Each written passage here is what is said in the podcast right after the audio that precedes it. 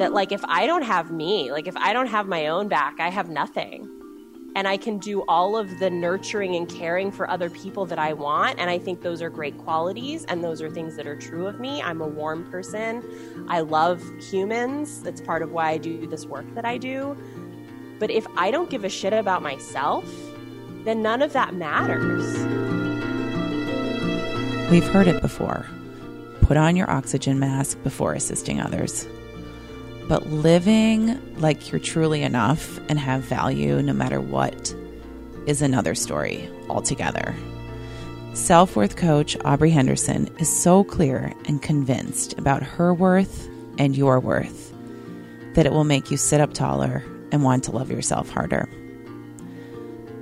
This episode is going to hit you in the gut in the best way possible. I'm Elizabeth Kendig, and this is Healers.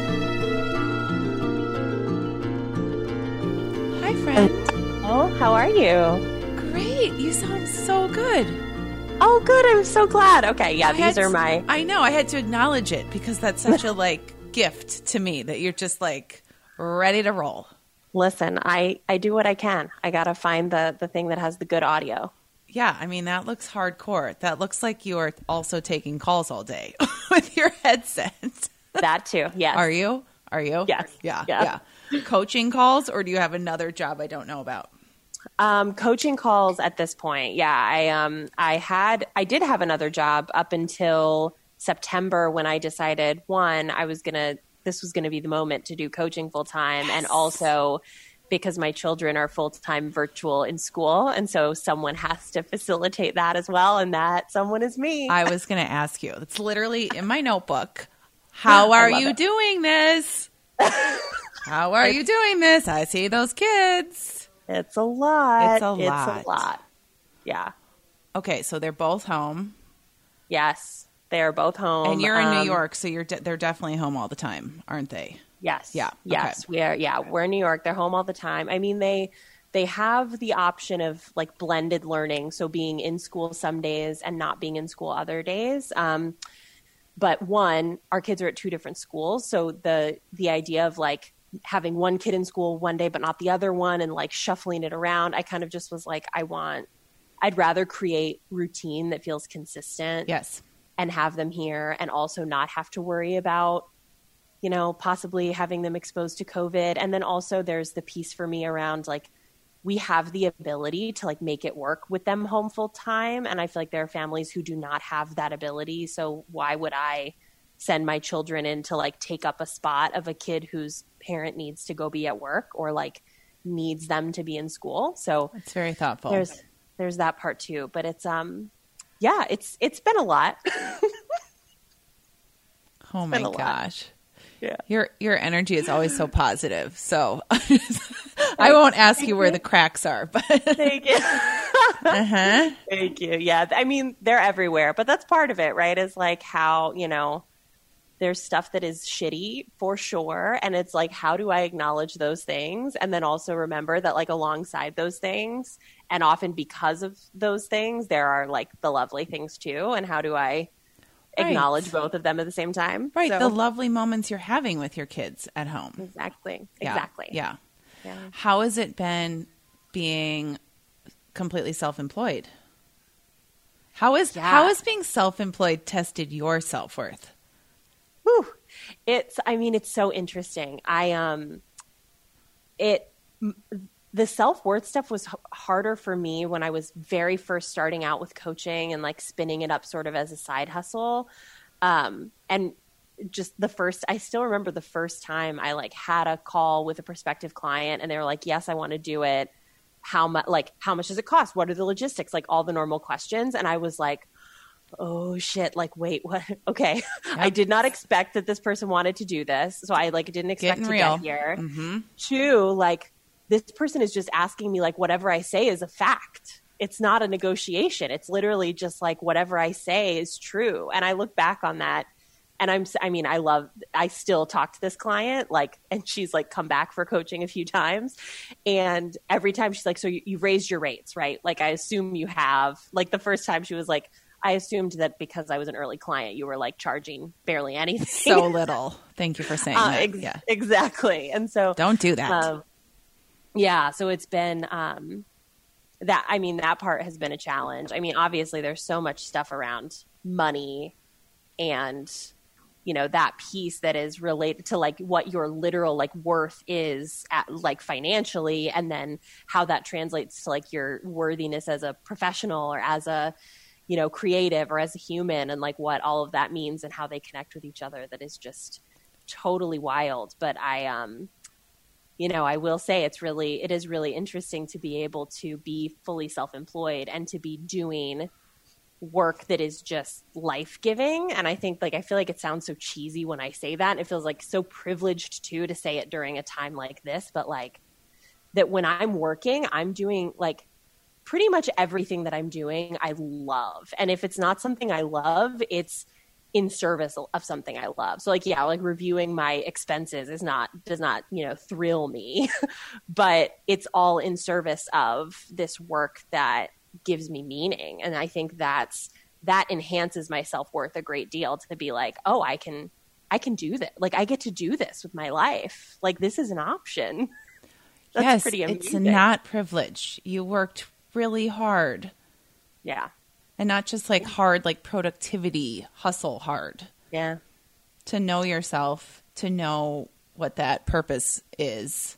And yeah. I mean, on top of that, you're providing support for all of your clients. So Absolutely. no, we yeah. need we need you to do that. We need you to yes. do that. Yes. So for sure. I I wrote down um, money and weight. Mm. Mm-hmm. And worth. Yes. And you've already brought up the money. It didn't even have to yes. lead you there. Yes. As because I had, a, and I'm getting my chills already because I had a conversation earlier this week with my sort of spiritual advisor, and she said something like, "We got it. We got we collective. We need to. Sh- we need a massive shift, and it is happening. Sort of, we're being forced. It's being mm-hmm. thrust upon us. Our worth is completely tied up in money and or weight, and yeah. I know that sounds like a generalization, and it, it is. It is, but it's very poignant to me. Yeah that you kind of yeah. like bounce between those two. I would maybe throw like relationship or love in there too for some people, but mm-hmm. even when you have that, you're probably still chasing the others. Yeah. So yeah, this is me trying to get to a question, but you're also really good at just taking like my ping. Listen, I'm just pinging I'm, the ball over to you. I mean, I Please already discuss. can you see? I'm already like I'm ready. Like, okay, okay, Say something. To, okay, I I just really, I mean, I think that's so true. I think with weight, I would even say, because I think about it even a little, just slightly more broadly than weight as like appearance in general. Yes, but I good, think, good. But yeah. I think weight is a huge component of that. And, and money. And I think what's really interesting is like those are the kernels of it, right? But it like that spreads out and bleeds out in so many different directions. If you think about money as being tied to your worth, that's uh, when we just think about capitalism more broadly and like productivity and how productive we're being and how we're how we are or aren't like quote excelling in our careers or progressing or whatever that means if we don't have this like linear career path that often is attached to money and worth right or you know if we think about i mean even when you said relationships which i think is definitely true and is a large part of the work that i do often centers on that dimension i think there's a lot of that that relates back to appearance for people which is is hard and is sad. But like when we think about who we are in relationships and what we how we're attracting others to us or you know how we are showing up in our relationships like and i think especially for women appearance becomes a big part of that even once you've you know quote achieved a personal relationship or relationships that matter to you there are ways that we feel like we have to like hustle to keep that person and i think appearance is a huge huge dimension of that that I talk to a ton of my clients about. And so, no, I think that that's that's real. And these are ways that we attach our worth to something external in a way that you know if we so let's just say there's three let's say it's appearance it's money it's relationships right there's these are all things that are external to us and when i do work with clients a lot of the work of self-worth is cultivating kind of that anchor within yourself. And it's not saying, you know, money doesn't matter. It's not saying your appearance doesn't matter. It's not saying, certainly not saying your relationships don't matter. But it's saying that and i just actually talked about this on my on this last episode of my podcast. Somebody asked me you know what do you think about the idea that like no one's ever going to love you if you can't love yourself first? Or you know you can't ever love somebody else if you don't truly first love yourself and the person who asked me this was like it feels kind of shamey to me this idea that like unless you're perfectly healed and self-actualized that you can never find true love we will never find... have relationships then. We will exactly. never yeah yeah. Exactly. And you know what i said to this person and you know i shared about this on my podcast is that i i think the work of self-worth is not to say that this the shit outside of you doesn't matter it's not to say that because it, that's it's not true. We're human and we exist in the world around us and have to kind of make our way. And so, yeah, probably like money to some extent is going to matter in that it helps you survive. There's a reason that we have some attachment to it, right? There's our relationships matter because we are hardwired for connection and belonging. So that matters, right? And our appearance to us is going to matter for some people because it's fun to enjoy your appearance and to take pleasure and joy in the way that you look and to feel good about yourself. For some people, you know, it's it, it has different dimensions of meaning. And so it's not to say like forget it. Like who cares how you look? Who cares who loves you? Who cares, you know, if you don't make any money? It's not to say that. But it's to say that when you root yourself in those things determining your worth and when those become the only determinants of your worth, then your worth is completely variable and unstable based on the the state of those things outside of yourself, right? Then if your worth is attached to your weight and you experience some kind of health issue or illness and your weight fluctuates, then suddenly because of reasons completely out of your control, your worth is upended.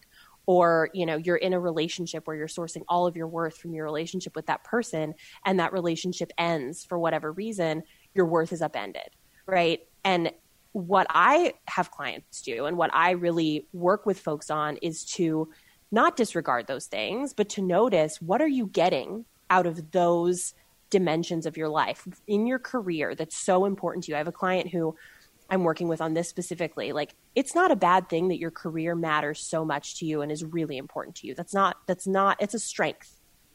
But if that's if you are not able to source some of that same meaning and joy from something within yourself if you're not able to identify like what are the things about me that make my career joyful?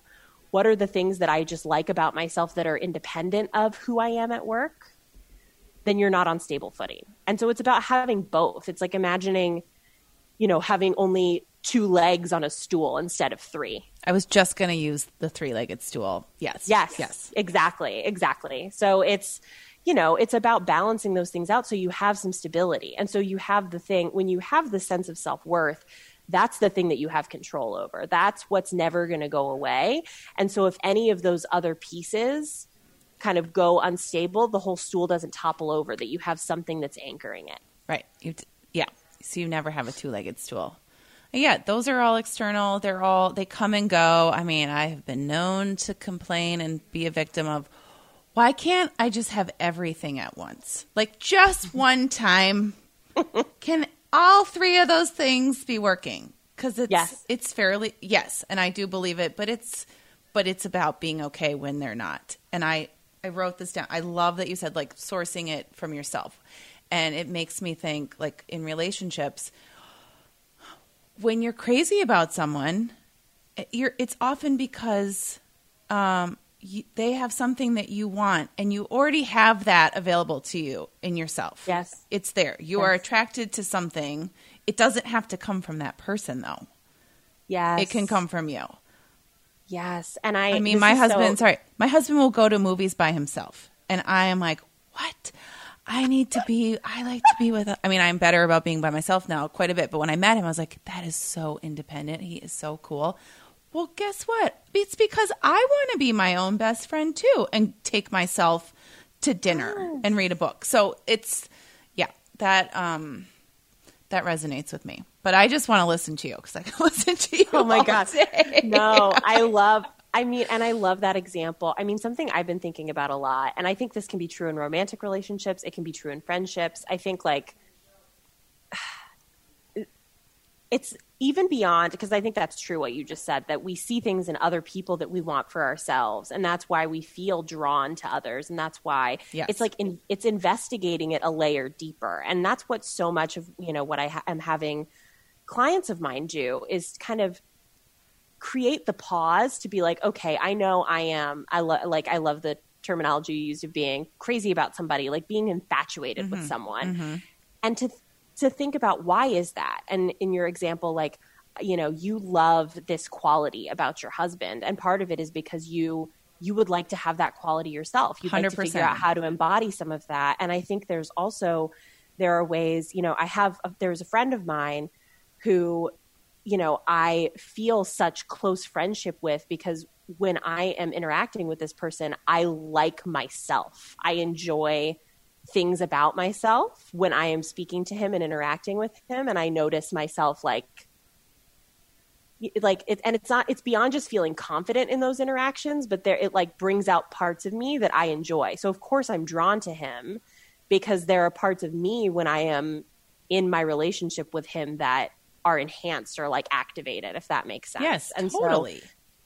that recognition also allows me to be like okay there if i feel over attachment to this relationship it's like yes i can acknowledge like i i love and care about this person and that's okay it's okay to feel attached to somebody and connected to somebody but also let me remember that some of what i love so much about this relationship is me Yes.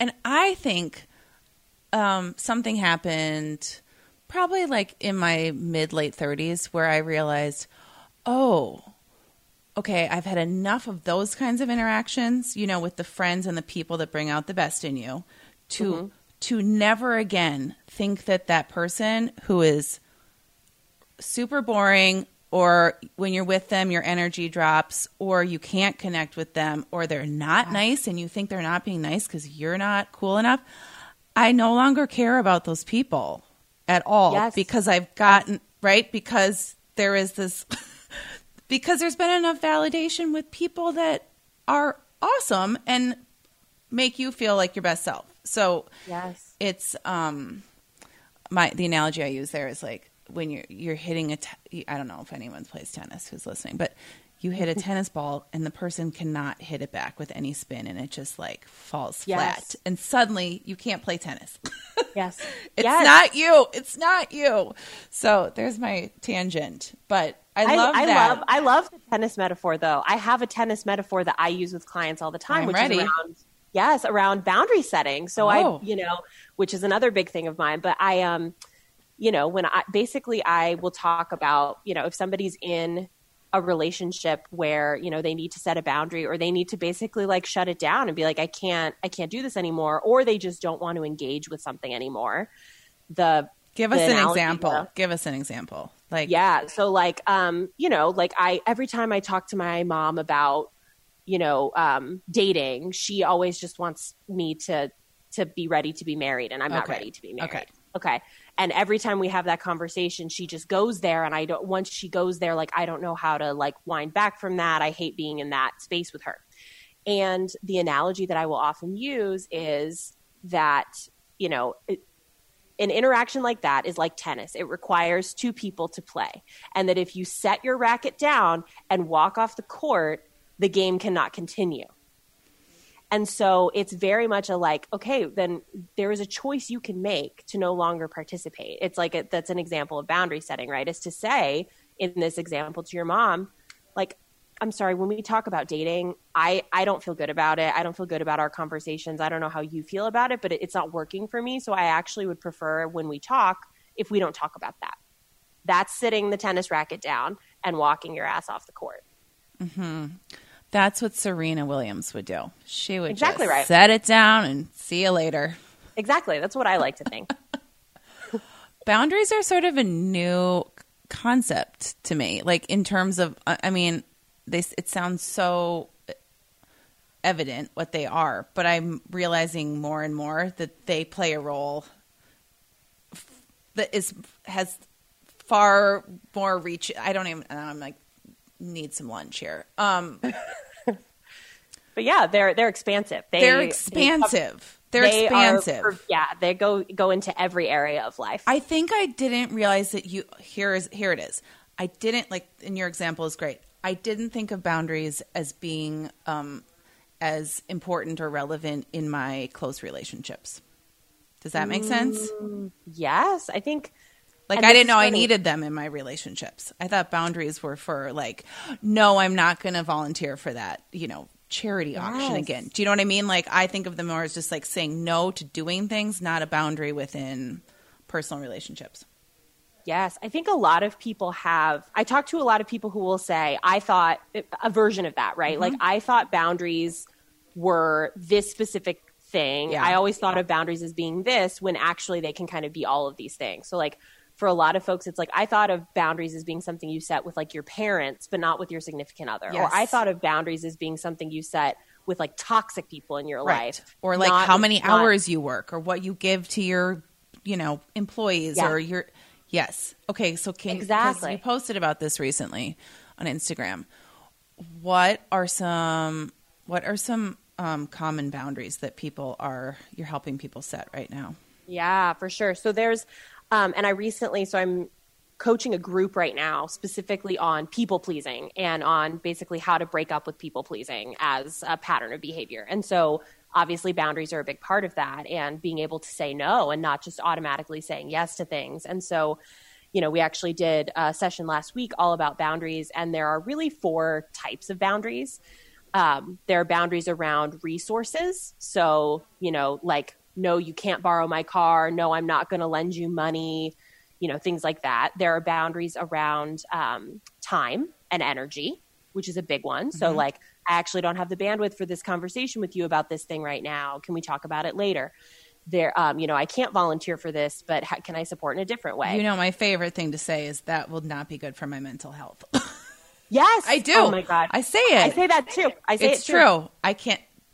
That will. I can't. I can't do it no, it, honestly, real. it does get it gets like respect because no, it's people it's can't real, believe it, but you're like, no, I will, I will run out of steam. I will shut down. I will get depressed. Yes. I will, I will, whatever. So you can and the amazing that. thing, yeah, with with boundaries in general, I think the amazing thing is that when you set them, and mm-hmm. I was talking with this group of clients about this, when you set them, you set an example for people, yes. and I think more often than not people will, and of course there are going to be people who are pissed that you set boundaries but there are also going to be a lot of people who are like damn okay like i wish I, I wish i had the guts to say that or like that gives me permission to be able to say back to you that's actually not going to be good for my mental health. And so i think that's really yeah.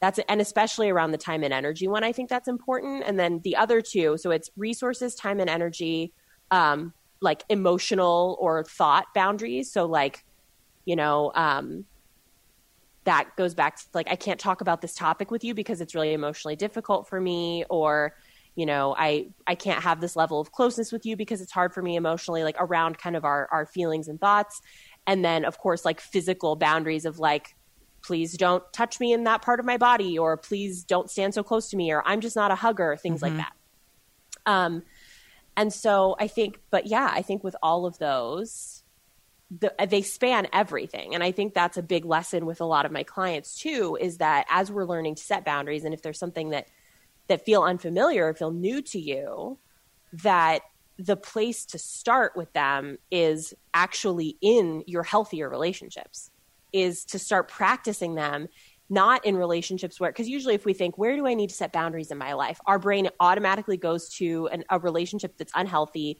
a dimension of our life that feels like it's toxic or it's draining to our mental health. And usually that's not the place to like start practicing how to set boundaries. That's the place that we work up to right. because it it can feel fraught. It can feel really anxiety provoking.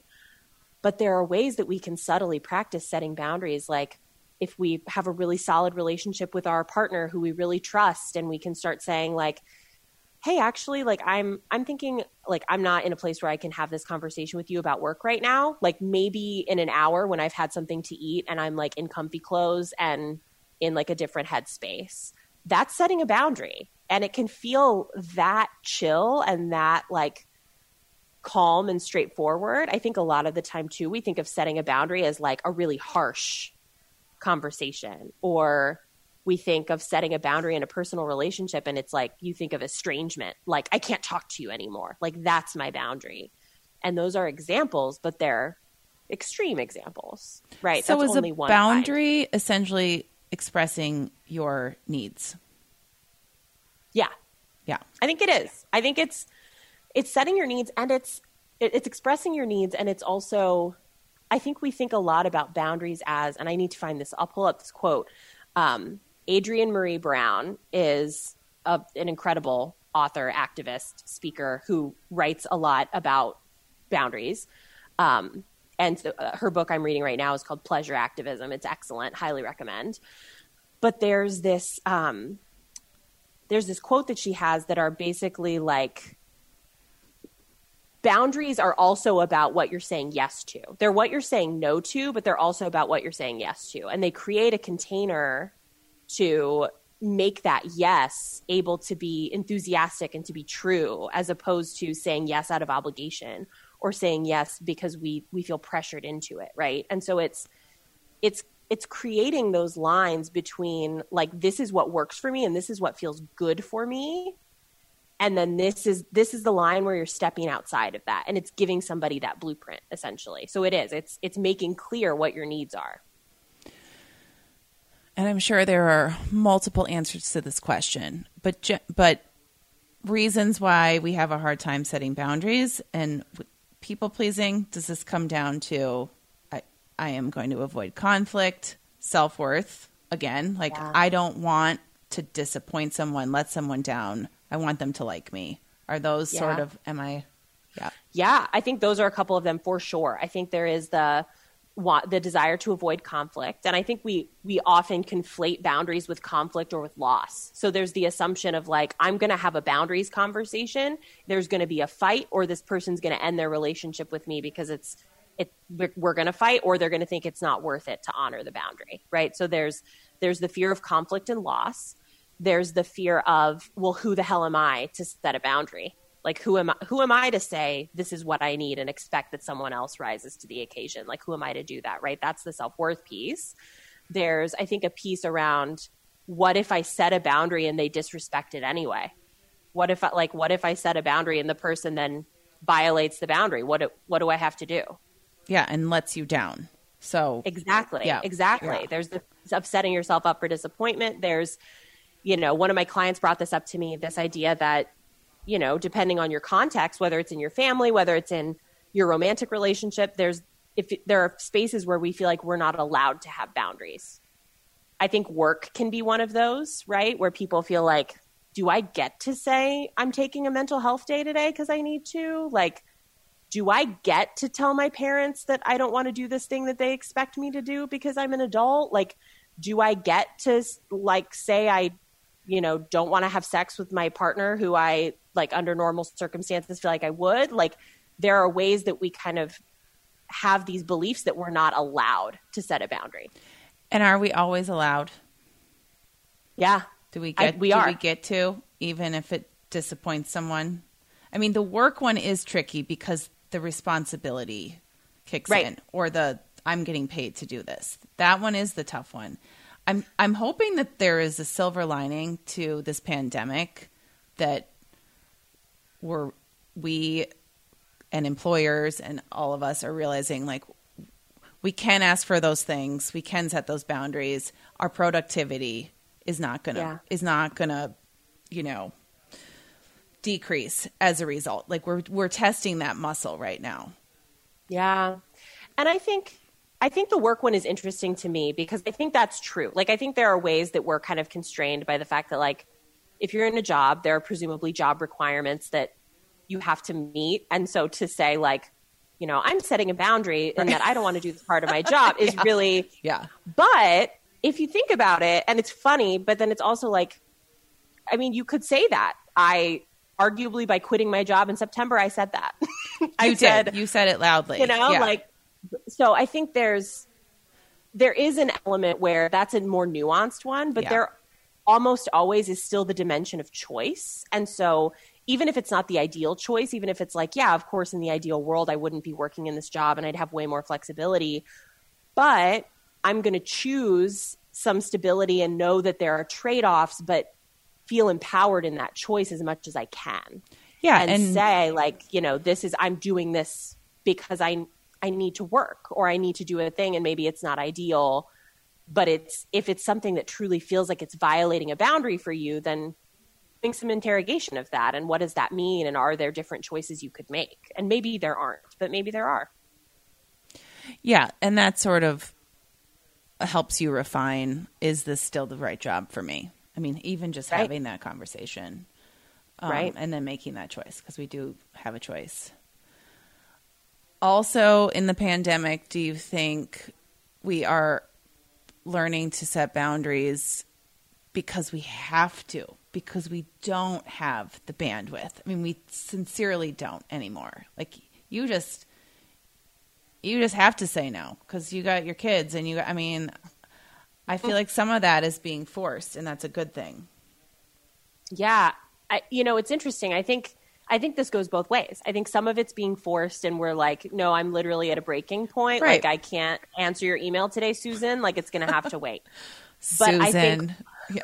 come on Good one. susan Come on, but i think there's No i think offense, there's Susan. also i think there's also ways that that it's it's gotten harder like if you think about folks who are who haven't worked from home and suddenly have been thrust into a situation where your work is at home and your family's at home and your private time is at home and everything is happening within like a small space it feels impossible to or not necessarily impossible but it can feel impossible to kind of have that delineation when when you think about it there's so many ways that like these sort of psychological boundaries are built into like everyday life if I think about, like, for me, I would wake up in the morning inside of my home where my family lives, drop my children off at their school where their learning happens.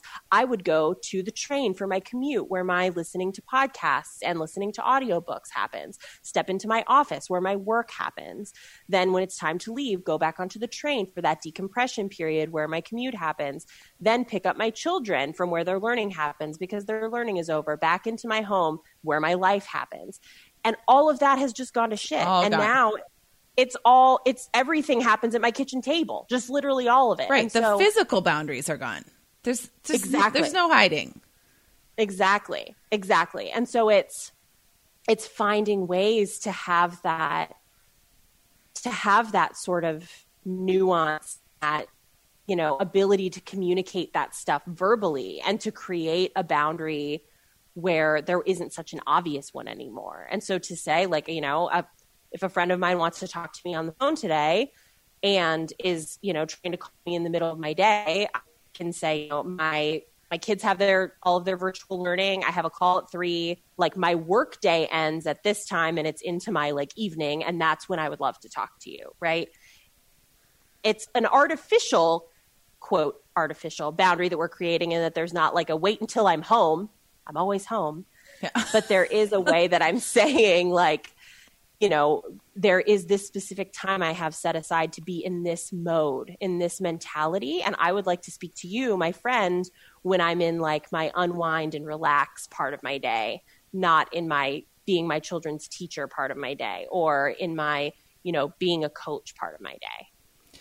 Yes. I- I mean, there have been many hilarious articles written about those blurred lines in our homes right Yes. now. Like, my favorite is this woman realizing that her husband telling her that just because he's not on a call or on Zoom does not mean that he that she can ask him about the the kitchen tile grout color. Like this is like I am in work mode. Like do not, Yes. you know, and and I am definitely um guilty of seeing mine and being like, "Oh, you're here." So I'm just going to Yes. talk to you about like anything. Um Yep. no. No. It's we're, we're at work right now, even if we're Yes. both in the same house. Well, I feel like this is a good moment to ask you how you became this wise. How do you know all of this? You are one of those. I'm not kidding you. You are one. I mean, this is the first thing I wrote down for things to ask you today. Um, you are one of those people who every single Instagram post, because Instagram is, you know, clearly a creative outlet for you is like you get your expression there. I mean, it's just you do so much teaching there just by sharing. And um but you know these I can tell you know what you are saying. You are sure about it. Yeah. Um you are you are also a self-worth coach. So that's important that you actually, you know, believe what you're doing. But Yes. These are big these are big juicy concepts that you cannot coach about you cannot write about teach about post about unless you really really feel them. And I, I like i'm like i'm getting my chills on the back of my head. And n- not everyone is there. I mean obviously that's why there's not 200 million of you. But how do you how do you know this? How do you how are you so sure of self-worth and the lessons that you've learned this is your like moment now to talk about your whole life Yeah. So uh, start where you would like to I was born. no, I um, you know, this is an interesting one because I I think of myself as somebody who always who has always felt this connection to my sort of my gut and to my like inner knowing.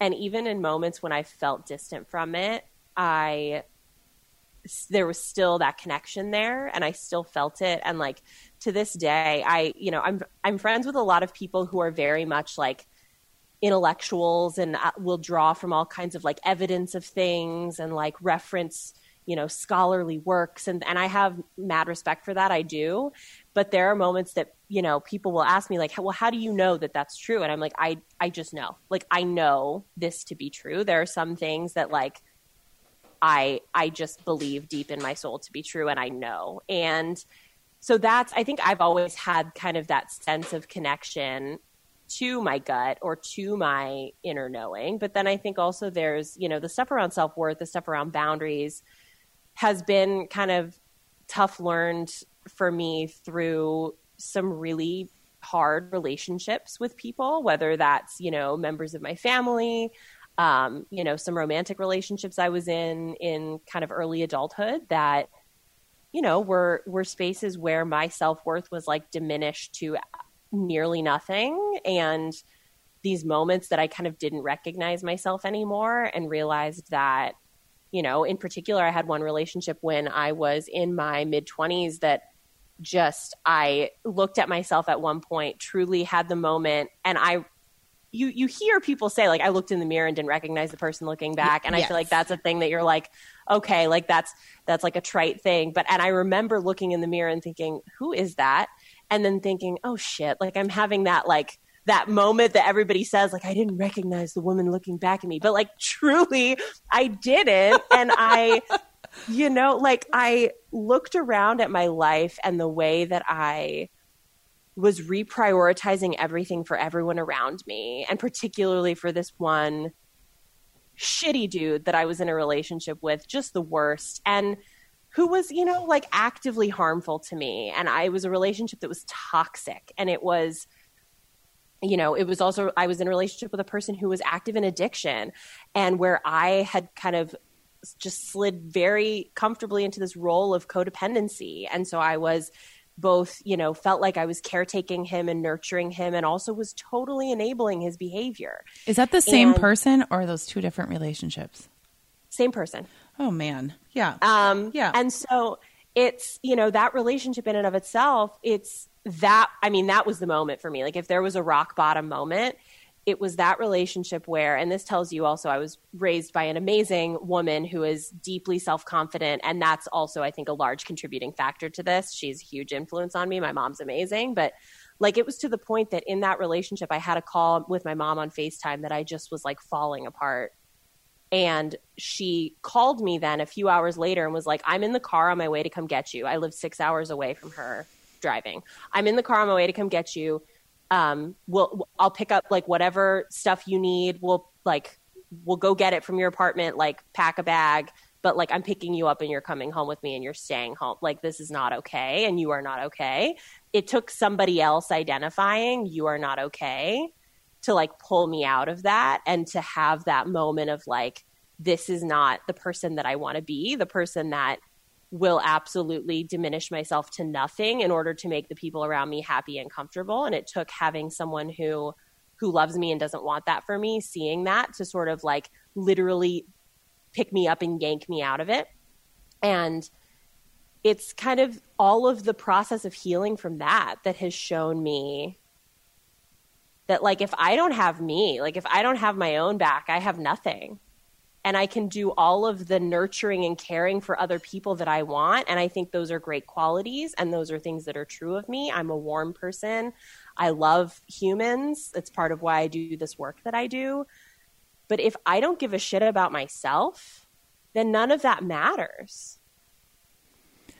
No, and yet we continue to think that we are not worth, we are not worthy of our yeah. own love. We are looking to get it outside yes. of ourselves. We need, yes. we've somehow put that power with other people or things. That's right. Or, that's right. And I don't know why we don't value our own opinion more. I mean, why? I mean, yeah. this is like another, you know, whole episode and then some. Yeah. That goes back it's, to childhood and probably past, you know, why we come in thinking I'm not good enough.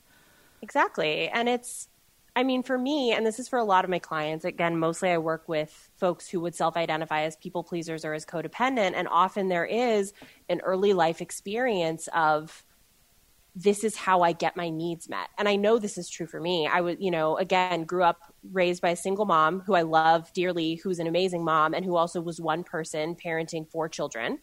And so there was the way that I got my needs met growing up and this was not necessarily anybody's conscious doing, but was by being a secondary caretaker, by being the oldest child and the responsible one, and by performing and by being a high achiever in school and all of these things that I was doing that I subconsciously learned that like that's what gets me love is by loving other people, by taking care of other people, by being a you know this high achieving, high performing kid, by being perfect, whatever the hell that means. By doing all of these things, that's how I get love. And there's no notion of I I can provide some of that love to myself. I don't have to like hustle for that to get it from other people, but it's when it's so ingrained, it's really hard to break from those patterns and it's really hard to be able to say. I mean, for a lot of people who struggle with self worth, who struggle with people pleasing, you ask, you know, what do you need to feel good about yourself? What do you need to feel joy, to feel pleasure? And they don't even know how to answer the question. Like, if you would have asked me in that moment, Aubree, what do you need right now? My instinct would be to answer the question for somebody else. Well, I just want my mom to be happy and to not be stressed. Or I just want my partner to like get get into recovery from his alcoholism or to just go to treatment. My answers wouldn't have even been about me because i was so disconnected from that because that so didn't matter when i had learned that the things that earned me love came from outside of me. And it goes back to you know what we were talking about before this idea that like what gets me love is money. What gets me recognition is you know, advancing in my career. What gets me attention and, you know, desire is my appearance. What gets me, you know, safety is being in a relationship with somebody. And if we don't have that sense of being able to cultivate any of those resources from within, or if we don't at, at least see the role that we play in those things, then we're always going to be trying to find it outside of ourselves. And there's always going to be something in there that's empty and we don't know why. Something's always going to feel unstable and uncertain, and we're always going to be anxious and we're not going to know why. And it's because the anchoring piece is missing. There's your mic drop moment. if it weren't around, if it weren't on your head, exactly. Um, your microphone. Um, the more, the more of, of this work that I do, not for myself personally, but you know, having these conversations and being in the healing space all these years, the more as cheesy and cliche as it sounds, almost all roads lead back to self love. Yes. If yes. if you have that, you can do anything. You can he- you can you know yes. deal with your past. You can figure out your career. You could like that is that it equips you. Yes. To thrive. Yes. You will not have that empty feeling. Okay. Yes. And without it, you just keep, I mean, you just keep searching. You just keep searching. So, Yes. um,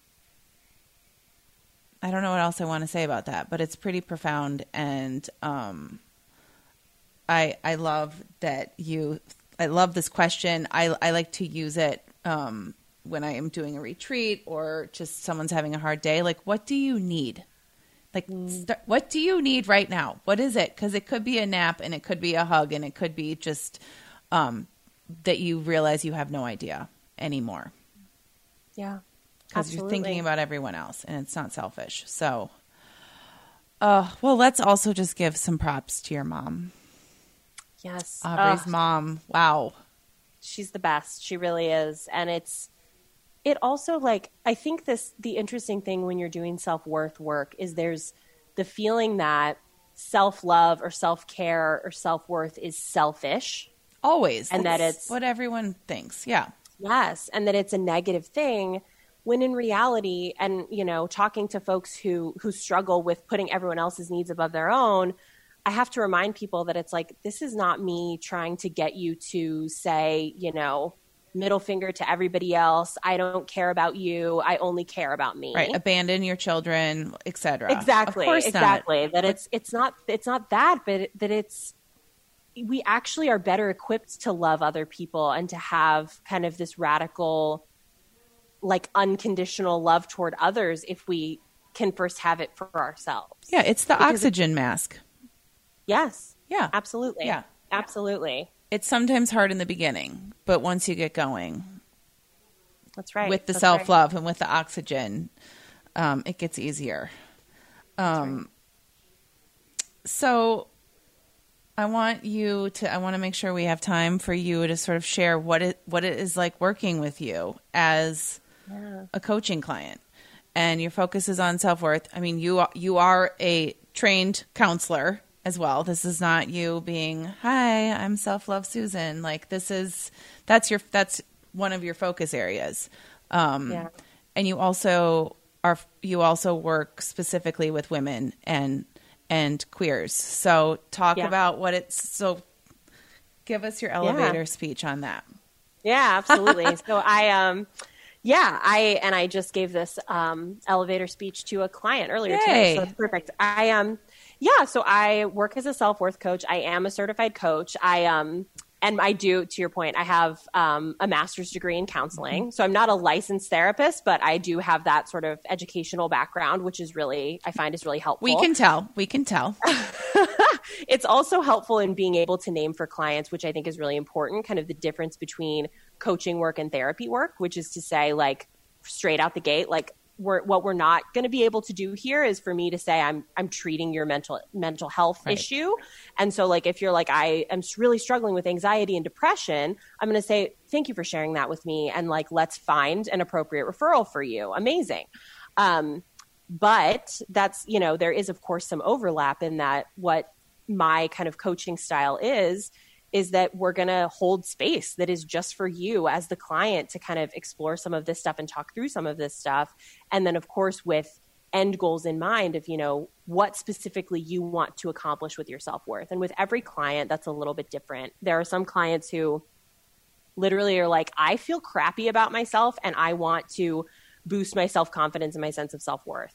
There are some clients who say, you know, specifically at work, this is a challenge for me and I need to learn how to advocate for myself and need to practice that with somebody who I know values self worth and, and is familiar with this area. For some people, it's, you know, I'm a people pleaser. I don't know how to set boundaries with others and I need to practice that and like get really good at that and also explore a bit of like why that's a challenge for me and understand what those limiting beliefs are and how I can sort of break through those as they're blocking me. There's so- always so many additional layers that you're unaware of, or you come in with one thing and it ends up being something else.